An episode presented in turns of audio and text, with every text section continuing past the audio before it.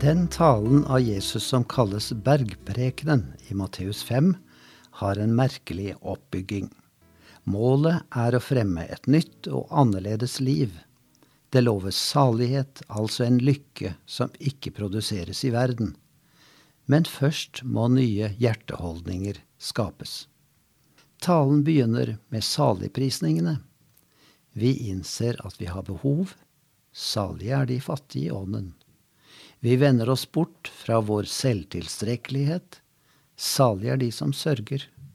Vi slutter å kjempe om posisjonene. Salige er de ydmyke. Vi er glade for at Han er med oss. Salige er de som hungrer og tørster etter mer.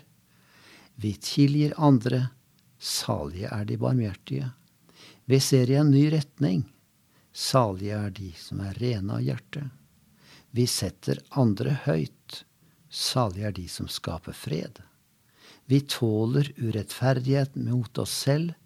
Salige er de som blir forfulgt.